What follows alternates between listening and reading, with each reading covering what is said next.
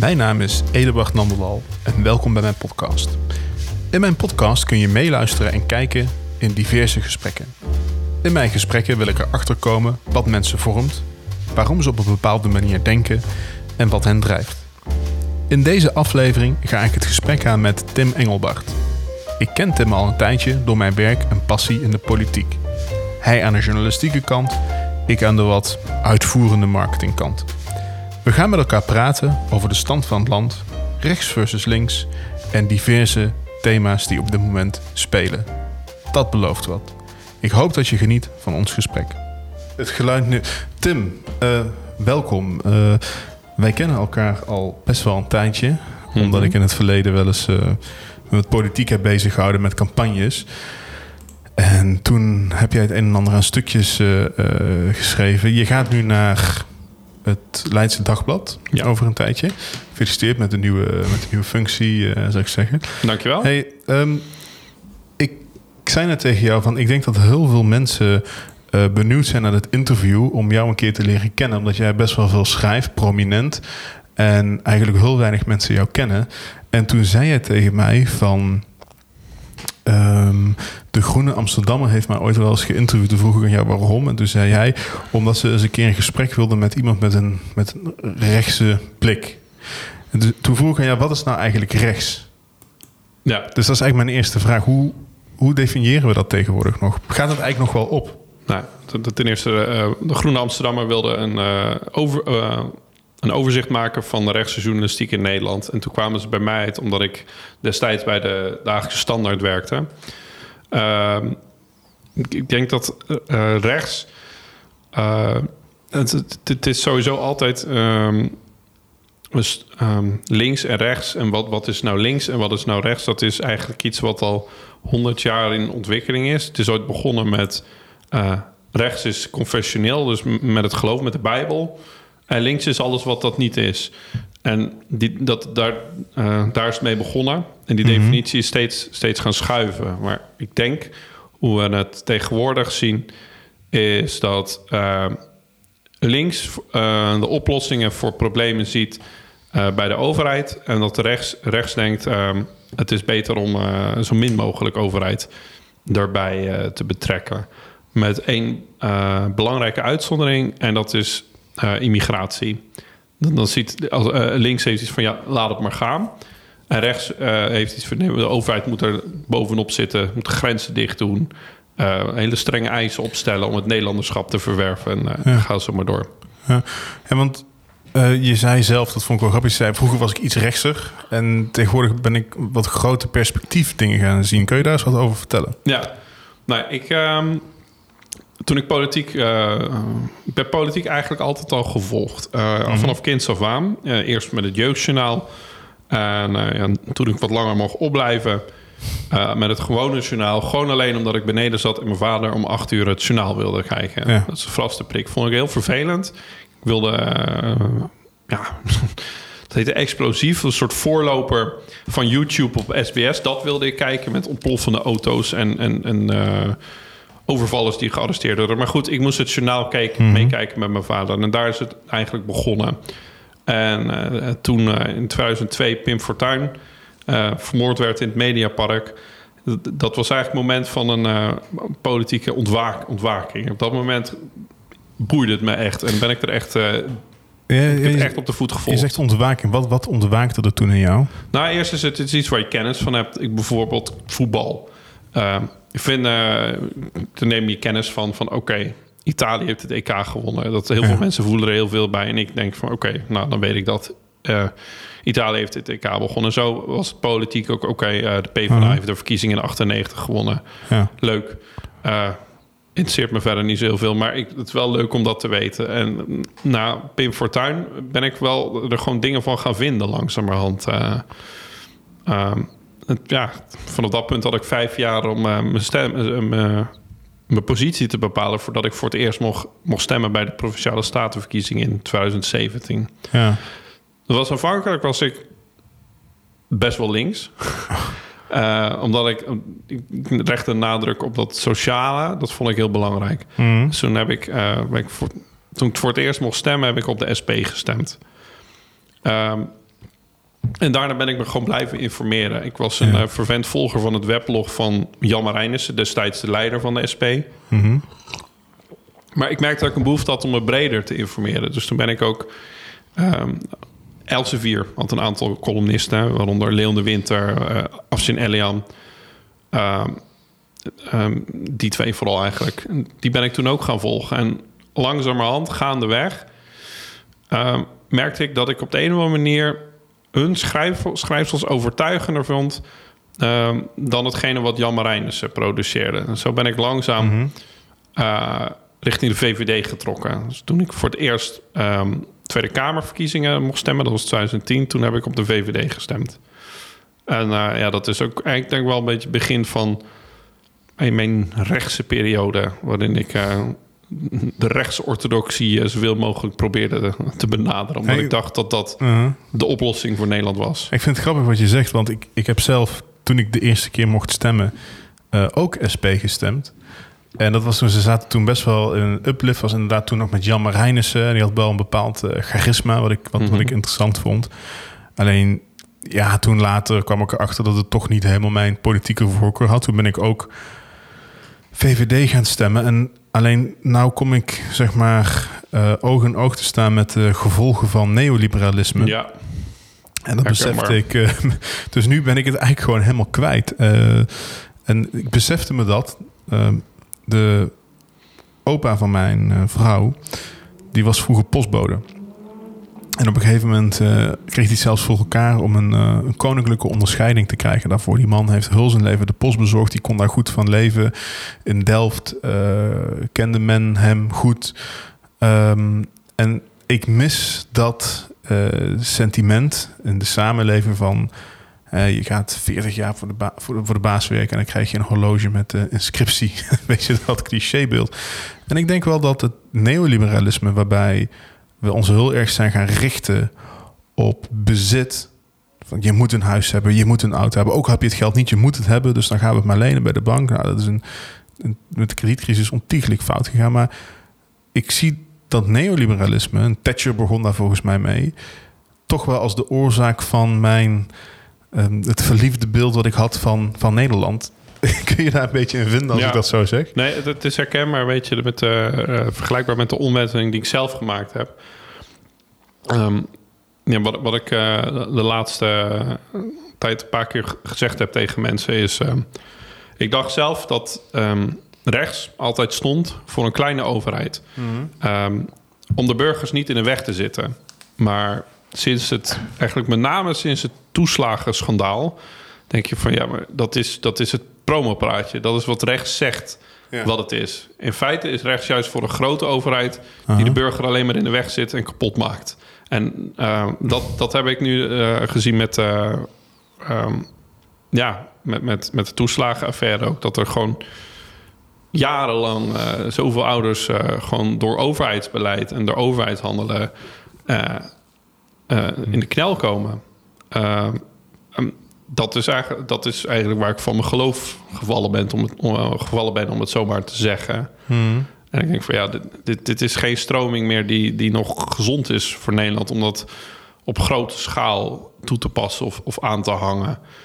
Eh, dus eh, ja, ik ben nog wel een beetje zoekende van ja, Ja, ja wat, ik, wat dan wel? ik heb hetzelfde, maar ehm, als journalist is het ook niet motiverend dan dat je zegt van sommige onderwerpen daar moet een steen boven. En, maar wat me aan de andere kant ook heel lastig lijkt als journalist, is dat je natuurlijk wel onafhankelijk moet zijn. Hoe ga je, hoe ga je ermee om als je je ergert aan een politieke stroming om dan als journalist onafhankelijk te zijn? Ehm, nou, dat, dat, is, dat is een goede vraag. Eh, maar het belangrijkste wat je moet blijven doen, ondanks je eigen stellingname, is bij de feiten blijven als journalist. Dus je, ehm, als, je iets, eh, als je iets een gevoel is, een onderbuikgevoel, nou, dan kan dat een startpunt zijn om het te onderzoeken. Bijvoorbeeld van, er klopt hier iets niet bij de Belastingdienst. Nou ja, dan ga je graven. Eh, nou, dat, dat is ook wat, wat eh, ja, journalisten van Trouw en RTL gedaan hebben. En dan vind je dingen. Maar op basis van het onderbuikgevoel zelf als journalistiek bedrijven, eh, dat, is, dat is niks. Dus je moet altijd. Je, je kan misschien door je politieke stellingname bij, eh, uh, bepaald idee, bepaalde hypothese uitkomen, maar je zal hem altijd moeten onderzoeken. En wat dat betreft, als je dan toch je politieke richting wil gebruiken, dan is dat om aan ideeën te komen, om over te schrijven, om, te, om, ja, om, om aan je vingerspitsen te voelen waar het mis zit in een maatschappij. Uh, maar dat is altijd alleen maar het vertrekpunt. Dat is niet, dan, dan, heb je nog geen, dan, kun je, dan heb je nog niet voldoende om conclusies te trekken. Dus het, het kan je helpen, maar je moet ook heel erg bewust zijn van wanneer iets een uh, gevoel is en wanneer je het gewoon met feiten kan onderbouwen. Je zei net dat je zoekend bent. Dan wil ik het heel makkelijk voor je maken. Stel je voor, er zijn twee partijen. Vorm voor Democratie en bij je één. Poeh, waar zou je op stemmen? Um, ja, uh, optie blanco en uh, thuisblijven bestaat niet in, in, nee, in het uh, Eduardaanse politieke stelsel. Nee. nou, als, als dat de keuze is, als dat de enige twee zijn waar ik op kan stemmen, dan zou ik op bijeen stemmen. En maar puur alleen om de reden, om, los van wat ik vind van de standpunten en, en uh, de manier van opereren van, van bijeen. Het is wel gewoon een serieuze politieke partij. Ja. En ze proberen dingen te, te veranderen door serieus invloed uit te oefenen op het beleid. En uh, ze proberen de zwakke punten van, van een wet te vinden. En ze denken gedegen na.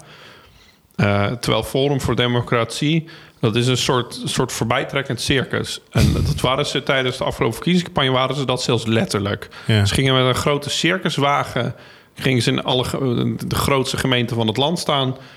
En dan gingen ze een beetje freestylen. Die politici gingen dingen roepen waar ze niet echt over na hadden gedacht. En je ziet het nu ook weer in de Tweede Kamer. Meneer Baudet is uh, in geen veld of wegen te bekennen als er een belangrijk debat is.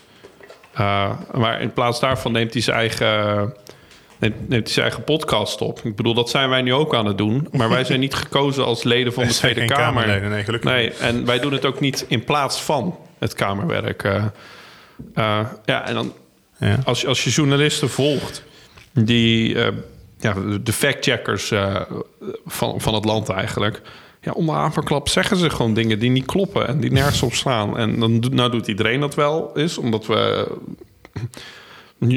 allemaal wel eens lastig vinden om onze onderbuik in bedwang te houden. Maar dat is daar aan de lopende band zo.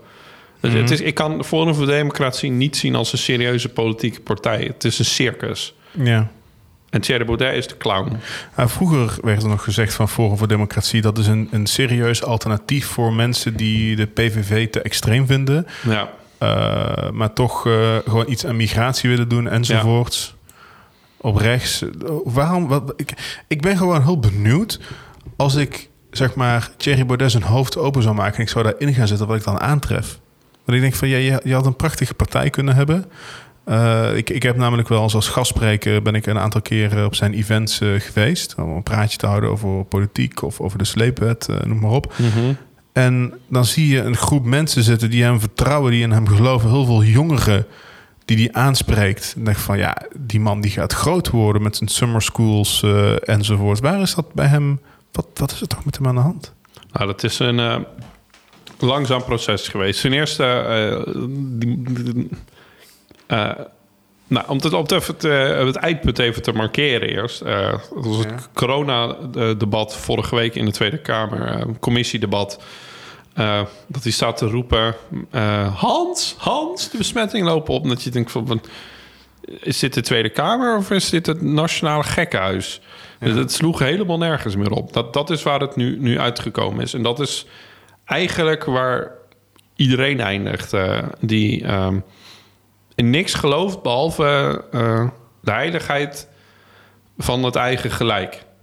Een, hij, hij, hij, hij, is het, hij vindt zichzelf zo fantastisch dat, hij, dat het gedachte niet bij hem opkomt dat hij het ook wel eens gewoon aan de verkeerde, totaal verkeerd kan hebben.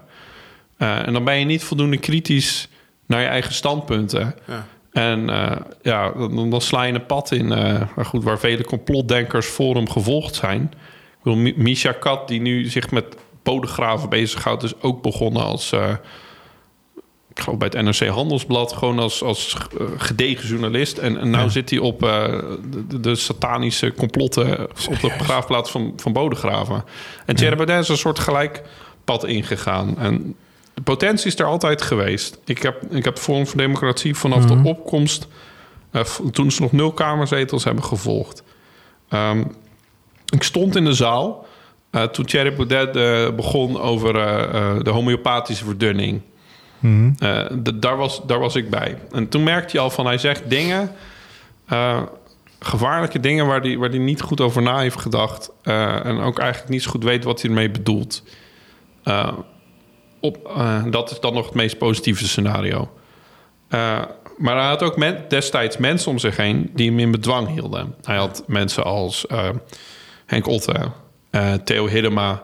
En dat, uh, het zijn mensen die een matigende invloed op, op hem hebben uitgeoefend. Uh, nou, gaandeweg zijn die, al, zijn die, zijn die hem ontvallen. Jeroen de Vries, destijds ook nu Eerste Kamerlid voor de groep Otte. En statenlid ook voor groep Otte in Groningen. Die had hij allemaal om zich heen. En nu, nu zijn die weg. En er is niemand in de partij meer die hem aan kan. Hmm. dus eigenlijk, hij schiet alle kanten uit gaat hij van complotten over de Twin Towers door naar Hans, de besmettingen. Het is eigenlijk gewoon het is zorgelijk om het te zien. Uh, En ook nog steeds zorgelijk dat die partij weliswaar niet meer de grootste van Nederland is, maar nog altijd voor een zeteltje of vijf goed is in de peilingen. Ja. En wat, wat is dat? Want kijk, wat, wat ik verwonderlijk vind is dat ik Thierry Baudet, ik bedoel, hij is niet dom. Dus ik denk, die heeft ergens een afslag genomen en nog een afslag. Uh, misschien een klassiek geval van uh, het succes is naar zijn hoofd gestegen. Mm um, maar wat ik wel zorgelijk vind, is dat we in Nederland een um, tendens krijgen dat inderdaad, als er dus uh, vijf, als, als hij vijf zetels krijgt met de dingen die hij zegt en dan weet ik ook al dat je Twitter uh, niet moet zien als onderdeel van onze samenleving. Maar ik maak me daar wel eens zorgen om. Van waar is nou nog echt de ruimte voor nuance? Er zijn mensen die zijn er echt van overtuigd dat er een partijkartel is en noem maar op. En weet ik wat allemaal. En wat het volgens mij gewoon vaak is, is je moet uh, conspiracy niet verwarren met gewoon oliedomme mensen. dat is volgens mij de nuance die je daar zou kunnen aanbrengen. Het voor mensen die zijn dom en dan lijkt het gewoon op een, complotverhaal. Ja, exact. Ja. Um, maar ja, ik denk wel eens van waar, waar gaat dat dan heen? Um, nou, momenteel zitten we in een, uh, in een pandemie. Uh, ondanks dat mensen uit het forum dus beweren dat de pandemie in mei 2020 al afgelopen was. Maar goed, daar zitten we nog steeds ja. in. En uh, dat haalt het leven van mensen overhoop. Uh, op manieren die we niet verwacht hebben en ook op een langdurige manier waar we, waar we ook niet uh, op zitten wachten en waar we ook niet verwacht hebben. Uh, en dan kun je geloven, ja, het is vervelend, we moeten er doorheen. Er zijn een aantal ja. maatregelen waar we ons moeten houden. wellicht komen die wel weer aankomende maand, midden in het vakantieseizoen. het is vervelend, maar we bijten ons er doorheen. Dat, dat is een manier om ermee om te gaan. Een andere uh, manier is uh, een soort magisch denken. Van ja, eigenlijk bestaat het virus helemaal niet. Uh -huh. of het is uitgevonden door Bill Gates. Of het, zit in de, in het wordt door de 5G-zendmasten uitgezonden.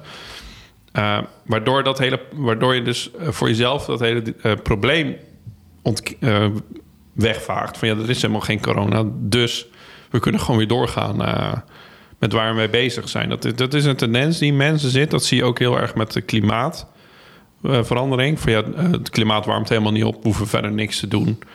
En dat zie je nu ook weer met, met corona. Van uh, ja, het is helemaal niet zo erg. Het is helemaal niet zo'n sterfelijke ziekte. Er is eigenlijk helemaal geen oversterfte. Ja. Gewoon basale feiten ontkennen. Om maar de pretentie hoog te houden dat je gewoon verder kan op, op, de, op de huidige weg. Hm. Ja, ik, ik, vind het, ik vind het zorgelijk. En uh, wat ik zorgelijk eraan vind, is dat, dat het lijkt alsof mensen de totale realiteit zijn kwijtgeraakt. Uh, getuigende ook uh, de vele YouTube-kanalen, de buitenparlementaire onder. Ik weet niet of je die video's wel eens hebt gezien, maar ik dacht van: is dit een grap? Of um, in één zin super afhankelijk zijn, waarmee je probeert aan te tonen dat je onafhankelijk bent. Ja, je zou, ken, ken je het, buitenparlementaire onderzoekscommissie?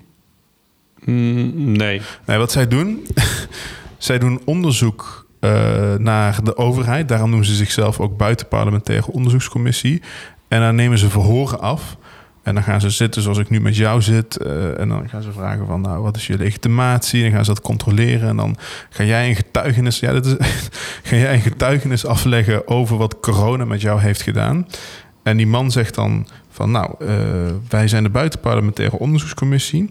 En wij doen volledig onafhankelijk onderzoek...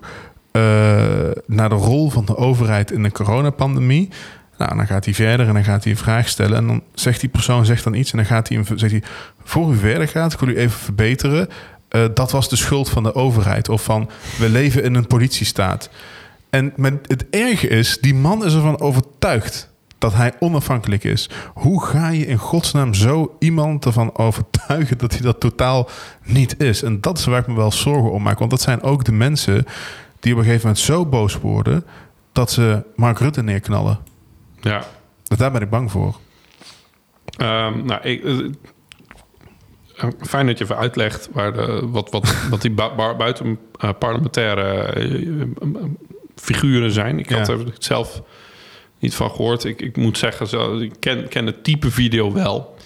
waarin er wordt gedaan alsof men een serieus medium is. Ja. Maar dat eigenlijk gewoon helemaal niet is. Ik ken die black box ja, ja, ja, die, ja, die ken ja, ik wel. Ja, ja, ja, uh, en KV Weltsmerts is ook eigenlijk naar dat bedenkelijke niveau afgezakt. Maar ik moet zeggen, na een paar minuten erger ik me er zo aan dat, dat ik het afzet. Ik denk, ik heb betere dingen met mijn tijd te doen. Waar is mijn kat? Die, die wil ik wel gaan aaien of zo. ik heb het zin nog om te doen. Er staat er nog afwas. Uh. um, maar wat je zegt, uh, dat, ja, dat, dat, is wel, dat is wel een zorg die er is. Van, zijn wij nog een maatschappij? die op feiten gebaseerd is? Ja. Of uh, gaan we naar een soort post-rationele samenleving uh, waarin uh, iedereen zijn onderbuik, de gevoelens uit zijn onderbuik direct tot waarheid uitroept, zonder daar enig onderzoek nog naar te doen? Ja, ik, denk zelf dat het lastig gaat worden om, om, om zo'n trend te keren. maar aan de andere kant denk ik ook dat zo'n crisissituatie als corona, dat, dat is een soort uh, multiplier, zeg maar. Dat maakt het allemaal, paar, die groei en de, de, ontsporing van mensen allemaal twee, drie keer zo erg als de pandemie. Geen idee wanneer, maar een keertje gaat liggen, denk ik dat het complotdenken ook al wat, wat rustiger gaat worden. Want dan staan ze gewoon voor paal, de complotdenkers. Ja, ja, ik zit ook wel eens te denken van wat nu als... Uh, dat is meer een grappige gedachte die ik, uh, die ik heb. Ik van wat nu als, als, als de complotdenkers gewoon gelijk hebben... en inderdaad er iets in de vaccin zit... en ik, had nog, ik heb nog geen tijd gehad om te vaccineren... en iedereen die vaccin heeft genomen doodgaat... zit ik met al die mensen opgescheept. dacht ik nog. Ja, ja dat. Zij blijven de leuke mensen over als dat vaccin daadwerkelijk uh, raar is. Maar je moet bedenken uh, ondanks dat er bepaalde werelddelen nog maar voor een paar procent gevaccineerd is, zijn er wel gewoon miljarden, men, uh, miljarden bovenarmen geprikt. Ja. Als dat vaccin zo'n vergif is, wat, wat er gezegd wordt, nou, dan hadden we dat inmiddels wel gemerkt. Dan waren er mensen al bij bosjes neergevallen. Ja, dat, dat denk dan ik had heel de staat Israël niet meer bestaan... omdat dat, dat het land Ja. is met de hoogste vaccinatiegraad. Ja. ja, die mensen framen het dan weer zo van... ja, maar dat is wat de mainstream media je laat zien. Om, kijk, dan is toch gewoon iedere discussie onmogelijk. Ja, dat... Ja, dat, dat- Ja. dan ben je de, de feiten zo aan het uitleggen... dat ze sowieso altijd in je, in je straatje passen. Eh, eh, co- cognitieve dissonantie eh, Ja. is, is dat wat het is. eh. Ik weet ook zeker als dit online staat... dat ik hele vervelende berichten ga krijgen... omdat ik me negatief heb uitgelaten over de buitenparlementaire onderzoekscommissie. Daar kan ik eh, vast wel. voorbeelden genoeg van. Maar laten we ook niet te veel aandacht geven aan complotmensen. Zeker niet. Ik, ehm, we hadden het net over de keuze tussen eh, bijeen ja, of eh, Baudet. Nou, ik denk dat je dat goed gemotiveerd hebt waarom dat dan toch een betere keuze zou zijn. Nou, ik vind dat toch een beetje flauw vragen, maar ik wil je toch nog één eh, voor gaan leggen. Ehm, Wilders of potentiële partij Omtzigt? nou, dat, daar hoef ik niet over na te denken. Dat is de potentiële partij omzicht. Waarom? Nou, ehm, omdat de PVV eh, eigenlijk een beetje hetzelfde, in hetzelfde straatje als, als Forum woont. Eh, eh, met als, ehm, het, het is geen rondtrekkend circus, omdat Wilders gewoon zich nauwelijks verplaatst. Ehm, eh, en hij, hij- Wilders is ook een serieuzere parlementariër dan Baudet. Eh, als er daadwerkelijk een groot debat is waarbij de, waar, waarbij de, het, de coalitie tegen de oppositie is, dan is Wilders altijd een van de scherpste vragenstellers richting eh, Rutte of nou, de minister die dan maar op dat moment ook echt onder vuur ligt. Dan doet Wilders dat op een hele scherpe manier. Eh, eh, het blijft de partij met hele rare standpunten natuurlijk. Ja. Je kan niet zeggen, we, we, we gooien alle moskeeën dicht en we verbieden de Koran. En we gaan eens even flink wat moslims deporteren. Ja. Ehm, hoe, hoe graag ik ook, eh, deels denk ik wel samen met Wilders... in een, een meer seculiere samenleving zou willen leven... Ja. eh, is, is, is dwang en, eh, lange arm van de staat... een paar tikken laten uitdelen, volgens mij niet de methode... eh, Ja. om, dat, om dat te bereiken. Ehm, dus eh, ja, de- en, maar da- daarnaast, eh, wat je ook aan alles proeft van Wilders, is dat hij niet op zoek is eh, naar daadwerkelijk deelnemen aan, eh, aan, de, aan, ja, aan, een, aan, een aan de regeringscoalitie. Ja. Daar is hij niet in geïnteresseerd. Hij zit liever in de oppositiebankjes en dan eh, gooit hij af en toe wat bommetjes. Ja. Eh, dan wel eh, nou ja, tijdens zo'n de- groot debat coalitie-oppositie... waarin hij dat heel gericht doet. Of hij gooit gewoon losse folders op Twitter... eh, waarin hij Sigrid Kaag een heks noemt en zo. Ja, nou, ik, ik zit ondertussen even... Kijk, ik ken Wilders een beetje persoonlijk. We hebben elkaar een aantal keer ontmoet, een aantal keer Mhm. gesproken. En eh, persoonlijk vind ik hem zo één op één echt een hele toffe gast. Je Ja. kunt echt met hem lachen. En ik denk dat, dat ook dat heel veel mensen in de Tweede Kamer dat, eh, dat met hem hebben. We komen alle twee uit Venlo. Eh, dat schept toch een band, laat ik het daarop houden. Maar ik, ik vind het heel moeilijk om te begrijpen wat hij nou wil. Omdat, wat ik zeg, ik ken hem en ik ken hem als een hele intelligente, belezen man met een, een vechtlust, ondernemerspirit. En dat hij eh, ruzie heeft met heel veel moslims, daar, daar, daar steun ik hem ook nog in. Hè? Want ik vind iedereen moet gewoon kunnen zeggen wat hij wil. Alleen wat hij doet, vaak op Twitter, vooral met name dat begon meteen eh, na de verkiezingen, is dat hij altijd probeert de samenleving in een hij-zij te maken. Hij is niet verbindend. Terwijl ik denk dat als hij dat wel zou doen, dan zouden veel meer mensen op hem stemmen. En ik, nu heb ik de tweet hier van, de rechtsstaat is failliet en dit en dat. Dat is hooi, hoe zeg je dat? Eh, dat is, da- da- daarmee speel je die complotmensen zo mee in de kijker. En dat is zo jammer. Waardoor mensen als ik die... Ja goed, we hadden het net over bij je links, bij je rechts. Ja, zeg maar, in ieder geval een beetje sympathie voor hem hebben. Ook nog wel zouden willen overwegen om op te stemmen. Die duw je weg. En, dat is, en die duw je zo in de armen van de VVD. En dat is jammer. En ik ben ook wel eens benieuwd naar... wat wil hij nou bereiken? Wil hij nou zo lang mogelijk in die Kamer blijven tot aan zijn pensioen? Of wil hij nou echt iets gaan... wil hij gaan regeren? Ik vraag me dat gewoon af. Ik denk niet dat hij wil regeren. Omdat alleen als je wil regeren, dan moet je met plannen komen die daadwerkelijk kan uitvoeren. Ja. En daar schort het al aan. Dat het, heel veel mensen maken een punt van ja, je, la, je jaagt coalitiepartijen weg met de teksten die je uitslaat. En dat is ook allemaal wel zo. Maar voordat je daar bent, eh, moet je eerst zelf wat ideeën hebben. En ja, als je het hebt over de uh, kopvolle tax en zo, die nog steeds, dat nog steeds gewoon uh, tot de PVV-orthodoxie hoort. Ja, dan ben je gewoon niet serieus. Dan wil je gewoon eigenlijk niet echt regeren. Dan wil je gewoon zo hard roepen dat ook de mensen die anders helemaal niks met politiek hebben, je horen en dan toch op je gaan stemmen. Ja. Uh, dus ja, ik denk dat hij het spel, dat hij het als een spel waarin hij zo lang mogelijk uh, de zijn pion op het bord wil, uh, wil blijven houden. Het, het, PVV functioneert ook niet als een normale partij. Nee. Als ze verliezen, dan blijft, als ze winnen, dan blijft Wilders de, eh, de partijleider. Maar als ze verliezen, blijft Wilders ook de partijleider. En als ze veel verliezen, ook. En dan stapt Wilders ook niet halverwege de periode op, maar dan is hij gewoon nog een keer de lijst. Hoeveel zetels hebben ze nu?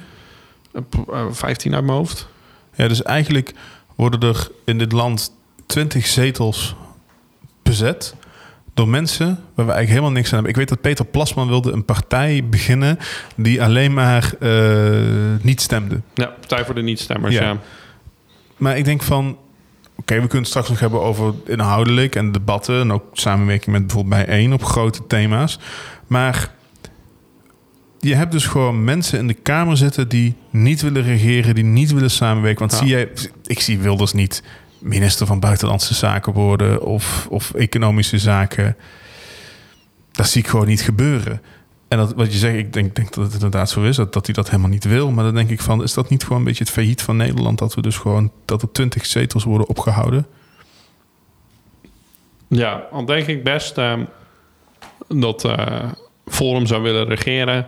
Eh, alleen die hebben zichzelf compleet onmogelijk gemaakt. Nu met Forumland. En ze willen zich afsplitsen ehm, van Nederland. Eh, Wa- Oh, stop. Wat? Ja, ik heb er wel iets... Er is- er is een video geweest, dat heet de Forumland. Maar hoe bedoel je afsplitsen van Nederland? nou, ehm, dat... eh, dat Tjerbele zegt dat niet hardop tegen iedereen. Maar wat Ja. hij eigenlijk denkt... is dat Nederland eh, al, al lang verloren is. Dat, dat, er- dat Nederland niet meer gered kan worden. Dus wat hij nu probeert met Forumland... is een soort roeiboot optuigen... waarin hij en, en zijn- zijn eh, zijn sycophanten in kunnen springen... en, eh, en wegroeien van eh, wat hij ziet als het zinkende schip Nederland. Ja. Hij heeft, de- hij heeft, hij heeft, hij heeft te lang opgegeven met ons land. Ja, dat is absurd. Is hij niet een beetje een nacht? Vroeger had je toch ook een hofnacht? Ja. Nee. Eh, een, een nar is iemand die wil vermaken en hij meent het allemaal echt. Eh, zijn partij is een circus en eh, hij komt overal als een clown, alleen heeft hij het zelf niet door. Dus misschien is hij nar en is hij een tragische nar. Ja. ja. Hey, ehm, we hadden het ook kort over omzicht. Ja. Wat denk je wat er... eh, gaat hij terugkomen? Wat gaat hij doen, denk je? Nou, het is heel grappig dat ik... eh, ik had een droom over omzicht eh, eerder Vertel. deze week. En... ehm, nou goed, de droom is natuurlijk eh ontsproten aan mijn eigen gedachten. Ja. Eh, dus- maar ik droomde dat ik eh, een scoop had. En de scoop was dat Pieter Omzicht ergens anders werk had gevonden. Dat hij niet meer terugkomt in de Tweede Kamer. En ik ben een beetje bang dat dat is wat er gaat gebeuren met Pieter Omzicht. Ik hoop het niet. Ik hoop van harte dat hij terugkomt. ja. Ehm, nou, ik denk, ja, ik, ik denk dat, dat we piek omzicht eh, reeds bereikt hebben met de toeslagenaffaire. Eh, de- zijn herstel duurt iedere keer langer dan, eh, Ja. dan die zelf beoogde.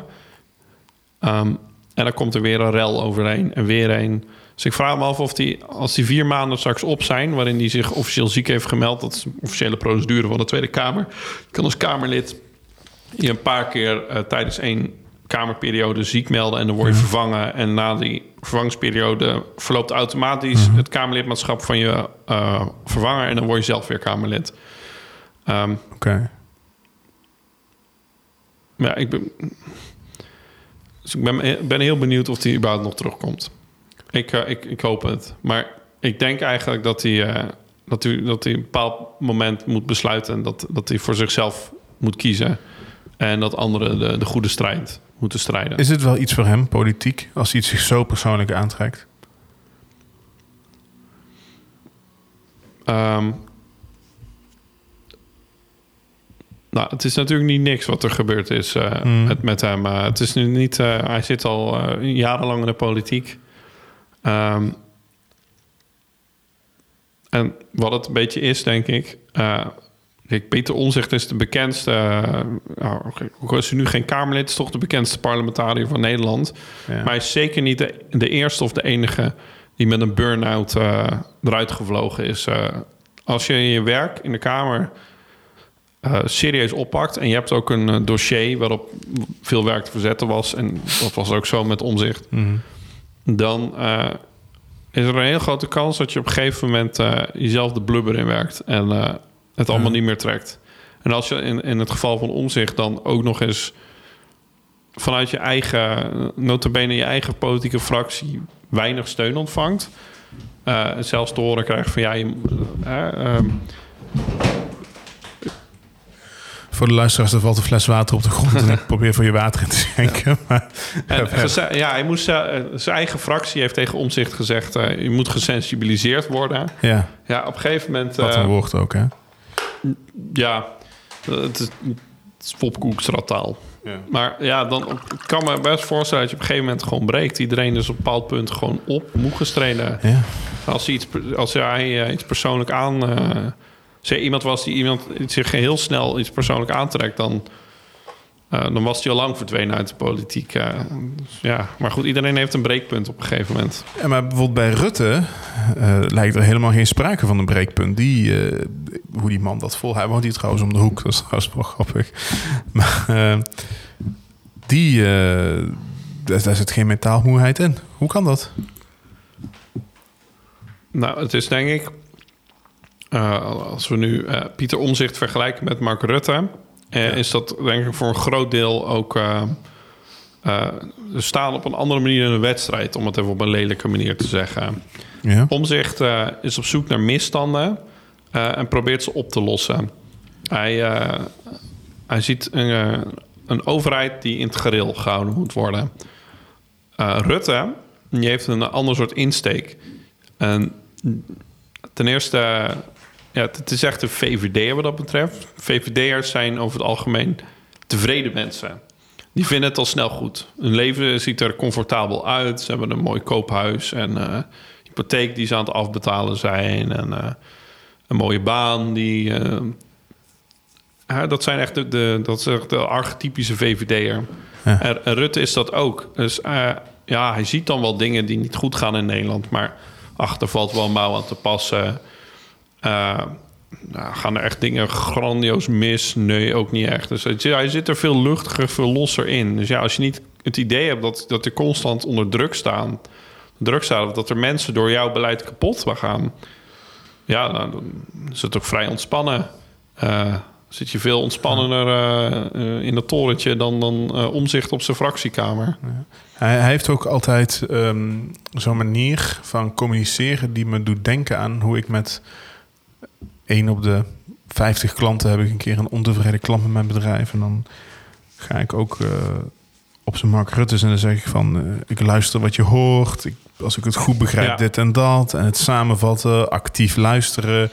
Maar vooral wat je op dat moment eigenlijk aan het doen bent. Op het moment dat je tegen iemand zegt: Ik zal het in mijn achterhoofd houden. Wat je zegt, bedankt voor je tip. Nou, luister je helemaal niet. Dan heb je zoiets van: eh, Ik luister niet naar jou, interesseert me niet. En ik doe wat de fuck ik wil. En die retoriek zie ik wel eens eh, bij hem terug. Het, ik denk dat hij een, heel goed is in het managen van mensen. En, eh, en, en niet zeg maar met hulzig gewicht erin zit. Dat wellicht ook inherent is aan een typische VVD'er. Nou, het is, dat is een manier van politiek bedrijven die, die je inderdaad wel vaker ziet bij VVD'ers die we als succesvol zouden willen aanmerken, zoals bijvoorbeeld ook Johan Remkes of iets dergelijks. Eh, maar ik herken, ik herken heel, heel duidelijk wat je zegt. Eh, Rutte is iemand die, eh, die masseert een beetje, en die kneedt een beetje hier en die knijpt een beetje daar. En eh, eh, de technieken die hij toepast, eh, die komen me ook bekend voor. Eh, ik heb als student eh, ook een bijbaantje gehad op een, op een callcenter. En eh, dan probeerde je mensen lid te maken van een bepaald goed doel. Ja. Eh, en ja, er zijn maar weinig mensen die vragen... wil je lid worden van een goed doel, eh, A, B of C? Dat ze dan meteen zeggen, ja, dat doe ik. Dus vaak hebben ze wel een bezwaar. En dan, ja, ik luister, oké, ja, interessant. Ja, en dan je veert mee met die mensen. Dat is de term die ze gebruikt. Je moet meeveren met die mensen.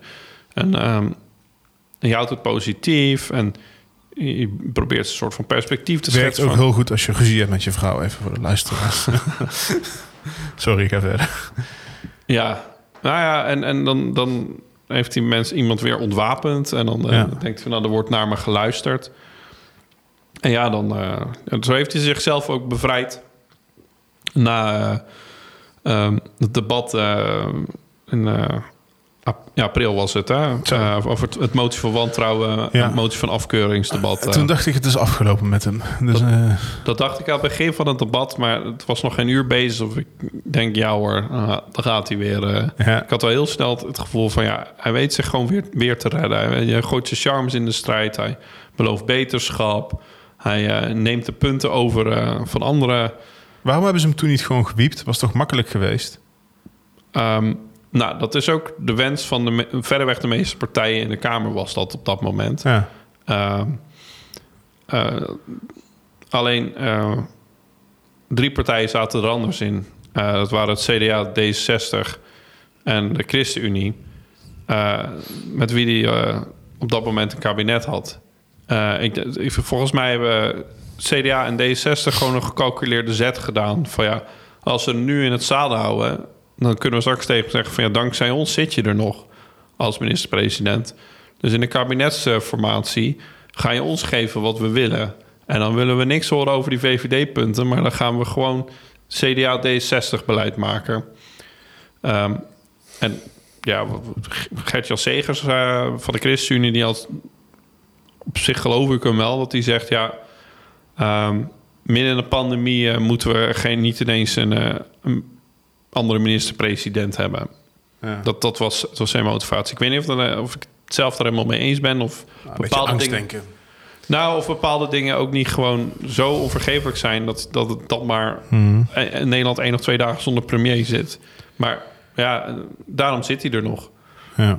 Eigenlijk, eigenlijk voornamelijk vanwege de Ja, hij had ze niet alle drie nodig natuurlijk om die motie van wantrouwen af te, te keuren. Maar voornamelijk vanwege het opportunisme van D60 en het CDA. Daarom zit hij er nog. Ja, ik, ik, ik stond er echt van te kijken eh, dat hij nog, eh, nog stond. En wat is natuurlijk ook wel interessant met Kaag. Kijk, zij was de gedoodverfde eh, de, de, de volgende vrouwelijke premier. Ik kwam er trouwens laatst tegen. En het viel me eigenlijk tegen. Ik, ik was met de hond aan het wandelen. En eh, toen zag ik er al op een afstandje lopen. Dus ik zei heel onopvallend tegen mijn vriendin van... Daar loopt Sigrid Kaag, weet je wel. Ja, ja. Ehm, en eh, we liepen voorbij en zij was met, met haar honden, met haar man. En eh, de, de, dus mijn hond, ik heb een hele grote Duitse herder, zoals je net hebt gezien. Dus mensen zijn wel eens bang. Dus ik zeg eigenlijk altijd standaard van, oh, hij doet niks, hij doet niks. Wel even snuffelen.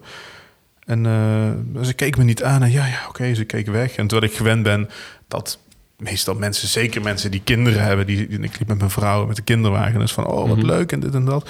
Dus de mede, ja, dat, kijk, je weet niet, misschien was ze net van tevoren helemaal verrot gescholden door weet ik veel wie. Eh, maar ik had wat, wat anders verwacht. Terwijl ik toch wel wat mensen, met bijvoorbeeld Mark Rutte kom ik vaak tegen, want we parkeren altijd hier in dezelfde straat. En dan is het altijd, hé, hey, eh, buurman, weet je wel.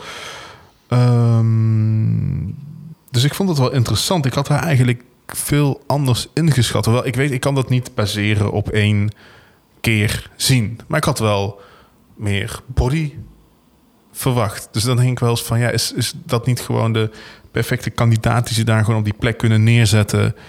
Eh, en eh, net, net als wat ze met Klaver hebben gedaan, die hijsen we in het zadel. En we geven een klap op dat paard en we zien wel waar we eindigen. Ja, nou goed. ehm, op zich denk ik dat Sigrid Kaag eh, qua karakter en hoe ze is... de juiste vrouw op de juiste plek is om op dit moment D66 te leiden. Ehm, dat, is, dat is de ontwikkeling die de partij heeft doorgemaakt. De partij was, moet je bedenken, eh, op sterven na dood Ja. in 2006. Er waren nog drie zetels over, waarvan er één... eh, was een Dietrich-periode, hè?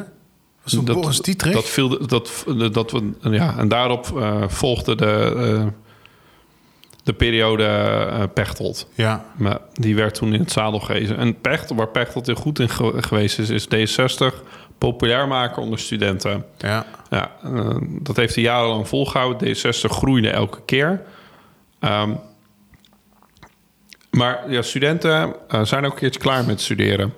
ja. En een groot deel van die studenten zijn, ja, zijn de ambtenarij ingegaan.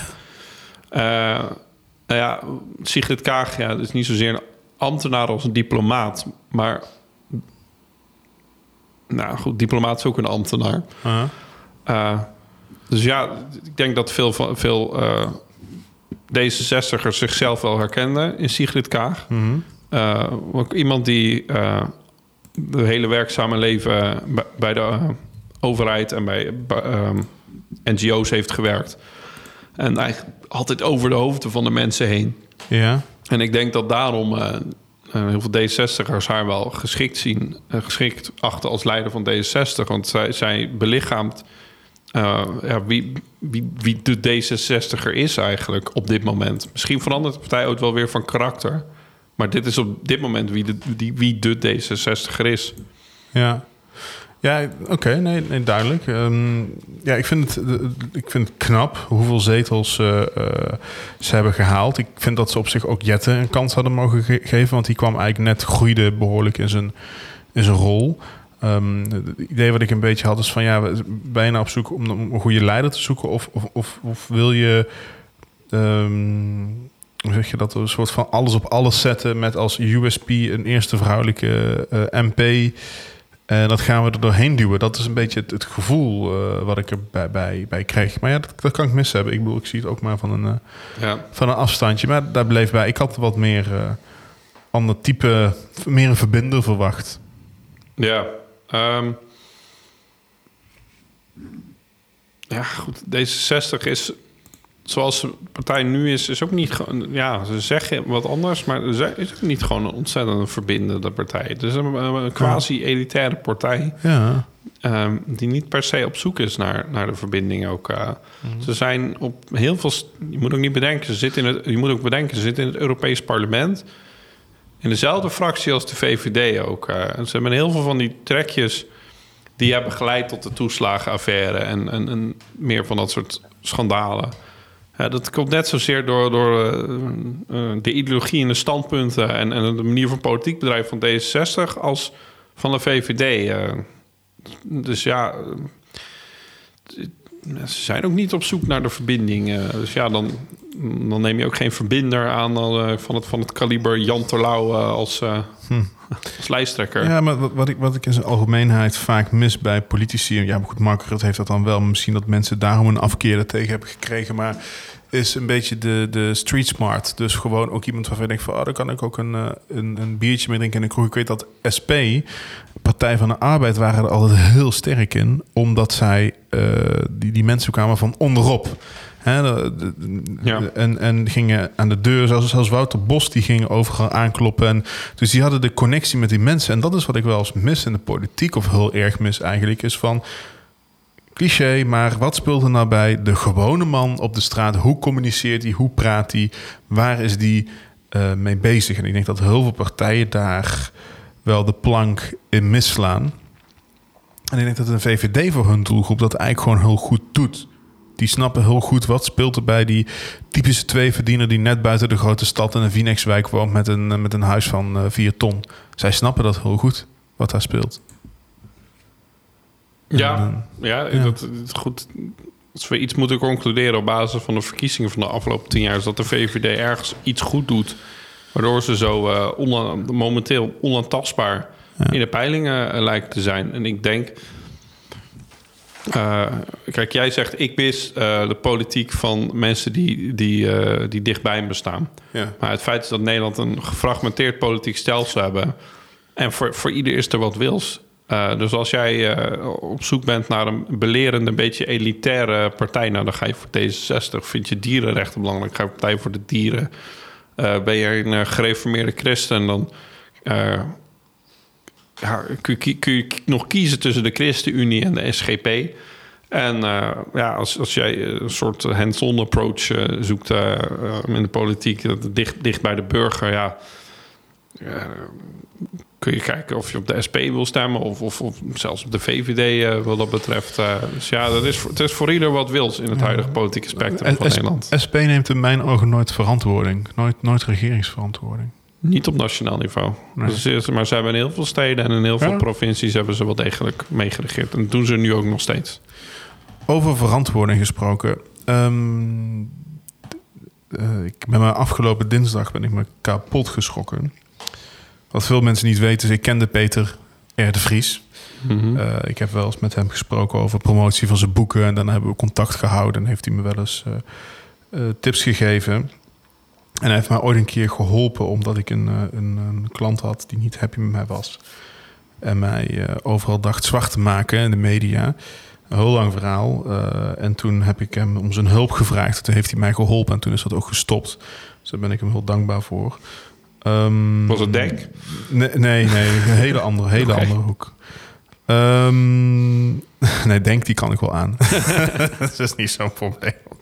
Ja, daar kunnen we ook een uitzending over vullen. maar. Ja.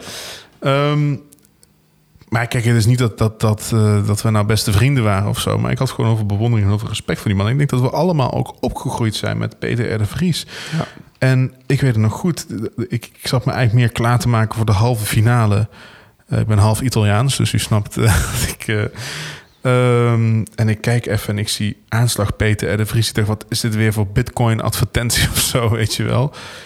Nou, en ik, ik echt mijn maag Tim, draaide om. Ik wist niet wat ik, wat ik las. En toen zag ik die afschuwelijke, afschuwelijke beelden. Ehm, en ik dacht echt van, ja, dit, dit, dit, dit komt niet meer goed. Ten eerste, hij leeft nog. Maar vind je nou dat Grappenhaus dat goed heeft aangepakt? Had hij zijn emotie zo moeten tonen? Eh, in de persconferentie die hij gaf met Rutte na afloop. Ja, ik denk dat dat ruis is in, eh, het bredere perspectief. Eh, ik denk dat het. Ja, het maakte niet zo heel veel uit. Peter de Vries was op dat moment al neergeschoten. Eh, ja, er kwam een. Ja, namens de regering werd er eh, afschuw uitgesproken. En of Grapperhaus dat wel of niet met een trillende, overslaande stem deed. Ja, ik vind dat niet zo heel interessant of relevant. Denk je dat hij dat op dat moment doet om te laten zien dat hij mens is? Of dat dat een oprechte emotie is? Ehm, dat, dat is bij politici altijd, altijd maar de vraag.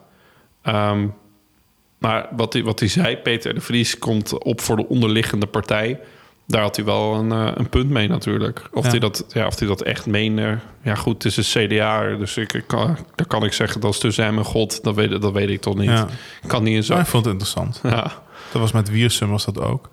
Maar hebben wij eh, niet gewoon een gigantisch probleem in Nederland met de mokromafia en, en alles wat daarmee samenhangt?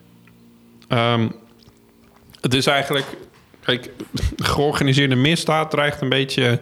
eh, eh, de coronacrisis in slow motion te worden.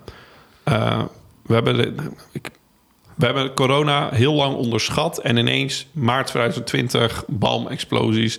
Ja. Ik herinner me nog dat ik toen gezegd had... toen, toen er één of twee gevallen per dag dwingelden... ik zei, binnenkort hebben we Italiaanse toestanden. En toen refereerde ik naar hoe het in Lombardije vlak daarvoor zo eh, uit de klauwen is gelopen. Vanaf daar heeft corona zich over Europa verspreid. Maar goed, met de georganiseerde misdaad hebben we ook voor ja, nee, er lopen wel boeven rond. Maar ergens is het ook wel hè, dat idyllische romantische idee van ach, zo'n Holleder is ook wel een boefje toch. Laten we er een Ja. film over Ja, maken. Laten we in de roddelbladen de uitgebreid eh, verslag over doen van en dat zijn we van die gekke namen en de Chileen en weet ik het allemaal. eh. Eh, is er heel lang eh, heel naïef over gedacht, denk ik. De orga- georganiseerde misdaad. Het is nooit een. eh, dat is ook nu wat. ehm, ja, anti-maffia. of nee, maffia-bestrijders uit Italië. Die zou ook zeggen van joh, Nederland is er veel te laks mee omgegaan. eh. Ja. In Italië beginnen ze dat nu echt grip op te krijgen. Terwijl daar echt een heel diep geworteld probleem is. Ja, en dat heeft in Italië. Ik ben, er, ben geen maffia-expert, maar dat, daar hebben ze lang voor nodig gehad. Om er, eh, de, pas in de jaren 80, jaren 90 dat ze dat een beetje onder de, onder de knie begonnen te krijgen. We- Weet je wat ik zou doen als ik nou Mark Rutte was? Dan, eh, maar goed, dat is misschien ook de reden waarom ik niet in de politiek zit. Dan zou over een paar weken, als ik de baas was van het land, dan over een paar weken zou het nieuws naar buiten komen van ja, helaas tijdens een vervoer probeerde Reden Taghi wapen af te pakken van een agent en uit zelfverdediging hebben we twintig kogels op zijn kop geschoten.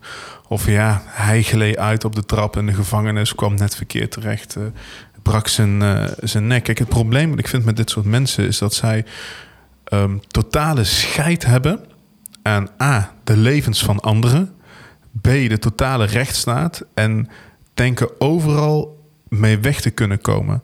Hij heeft een of andere beloning uitgeloofd van 20 miljoen van als je mij vrij krijgt. Die mensen, Ja, ik zeg live by the sword, die by the sword. Als je er zo in staat, dan kan je het krijgen ook, wat mij betreft. Alleen ja, helaas heb ik het hier niet voor het zeggen. Maar ik denk eigenlijk dat dat de enige... En geloof me, in Italië gebeurde dat. Dan kregen ze allemaal een ongelukje of er gebeurde iets... als ze niet wilden vertellen of wat dan ook. Is ook niet goed. Hè? Want ieder jaar in Italië komen er 25 mensen om door politiegeweld. Dat is best heftig, dat weten heel veel mensen niet. Maar daar is ook film over gemaakt een tijdje terug. Ehm, omdat die, die strijd zo verhard is. Die mensen die daar staan met... Just, dat, zijn geen politieagenten meer, dat zijn gewoon paramilitairen. Hoe gaan we dit winnen? Ehm, nou ja, hoe we alles uh, proberen te winnen. Namelijk er, er eerst meer geld voor vrij te maken. Het Openbaar Ministerie moet de middelen hebben om uh, hier onderzoek naar te doen. En het zijn, het, het zijn hele kostbare onderzoek. Dat Marengo-onderzoek uh, significant duurder dan als ik nu hier een auto stil en ik word opgepakt en voor de rechter uh, voorgeleid en ik word veroordeeld. Ja, dat, dat is binnen een paar weken of maanden is dat afgerond. Dat Marengo-proces, of dat proces tegen Willem Holleder, dat sleept maar en dat duurt jaren. Dat, dat is nou eenmaal inherent aan de rechtsstaat. en daar moeten voldoende middelen voor worden vrijgemaakt. Je ziet ook met Nabil B. Ja, een kroongetuige kan niet alles zijn familie kan gewoon niet worden vrijgesteld. Omdat ja. er wordt geen prioriteit aangegeven. is geen geld voor, weet ik veel. Ja, ik kan het niet hebben dat Rino Taghi straks uh, vrij uitloopt. Uh, dat hij fluitend de gevangenis uitloopt. En dan nog maar even een moord bestelt om...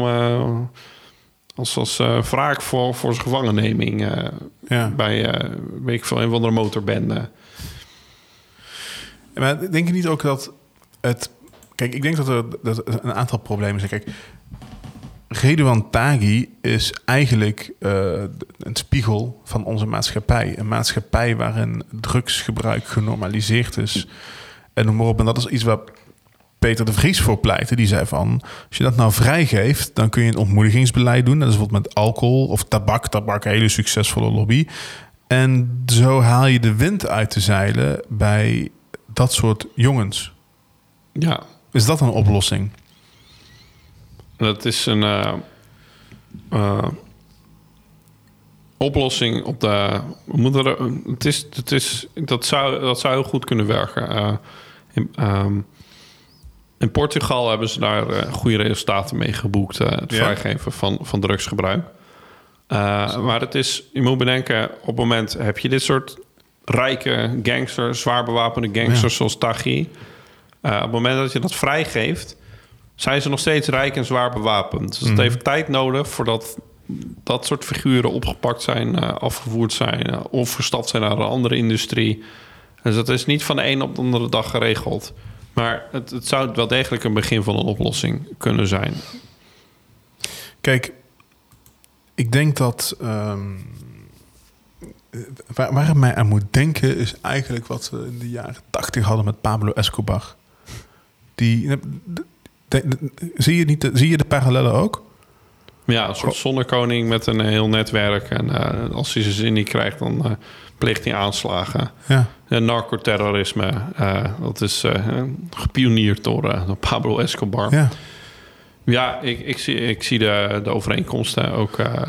want waarom ze iemand als Rido Taghi tegen de lamp is gelopen... is namelijk dat het niet alleen een zware crimineel is... maar dat hij ook verschrikkelijk ijdel was. Iedereen kende die foto van hem dat hij daar uh, met ontbloot boten, bovenlijf uh, ja, ik nog nat echt, van het water uit de zwembad ja, is. ik dacht, is dit nou een heel ander type voorgesteld? Ja, een zwarte jas en een zwarte zonnebril en, en, ja. en een groot pistool in zijn handen. Maar ja, hij is, hij is een beetje de, de, het summum van, hoe dat noemen, de die drill, de hele drillrap uh, scene die, die ontstaan is. Uh, veel pistolen en uh, veel geld en, en, veel drugs. En dat is, dat is waar het om draait. en, en Tachi is daar dan succesvolste ja, exponent van. Ja. Bovenaan de voedselketen.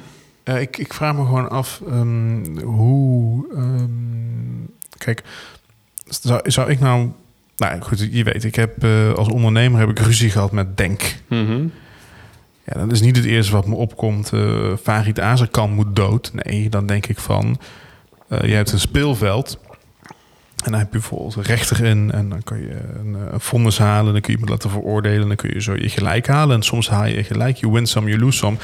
En het hoort erbij, dat is onderdeel van de game. En dan uiteindelijk, uh, ik zou je eerlijk zeggen, als uh, Farid hier nu aan zou bellen, dan mag hij van mij binnenkomen.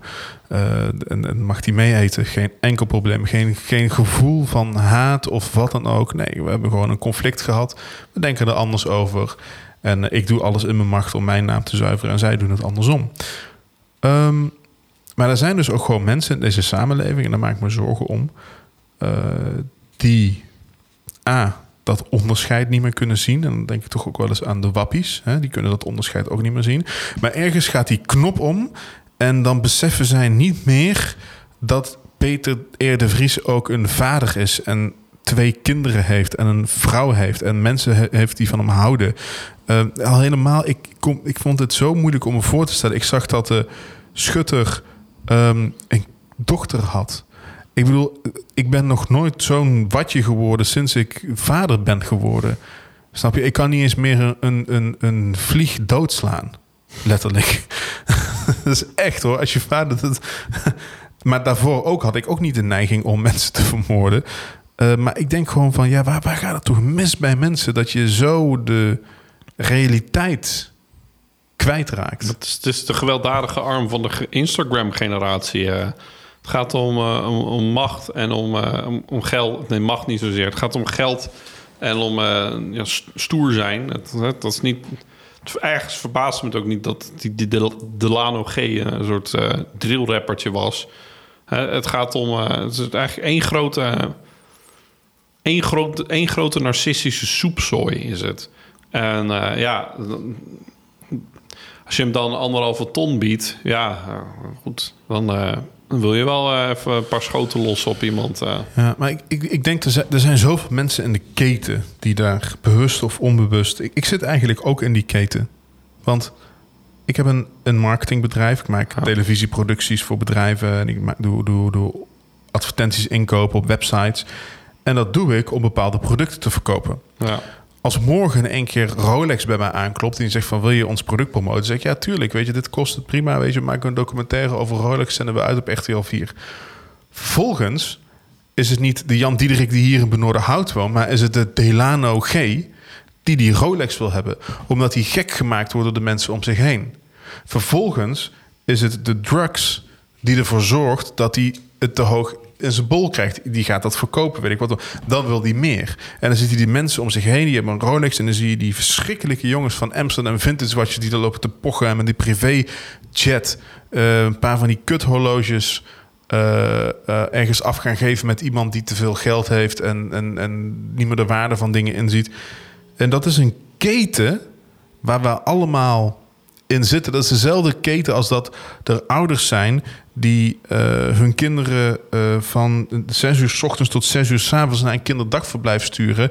En als die kinderen dan s'avonds thuiskomen, uh, geen energie meer hebben. En dan maar een Stone Island trui van 300 euro kopen voor een kind. Zodat het kind even blij is. Die kinderen die worden vervolgens 21 of 22. Die vinden een of ander kutbaantje. Of die gaan als um, lang leven het neoliberalisme. Gaan ze als zelfstandig postbode werken. En dan verdienen ze ook niet die knaken om die Stone Island trui te kopen. Nou ja, weet je, en zo creëer je een fucked op maatschappij waar het alleen maar gaat om aanzien. En ja, of we dat nou bereiken door uh, hard te werken of niet, het moet bereikt worden. En ze hebben geen fuck hoe ik het bereik. Ja, maar je zegt, ik zit zelf in de keten. Omdat jij zaken doet met bedrijven zoals Rolex, zoals ik het begrijp. Maar dat... Nee, ik doe geen zaken met bij bewijzen van spreken. Ja, bedrijven. Ik zeg, ik zit in de keten bedrijven ja. zoals ja, Rolex.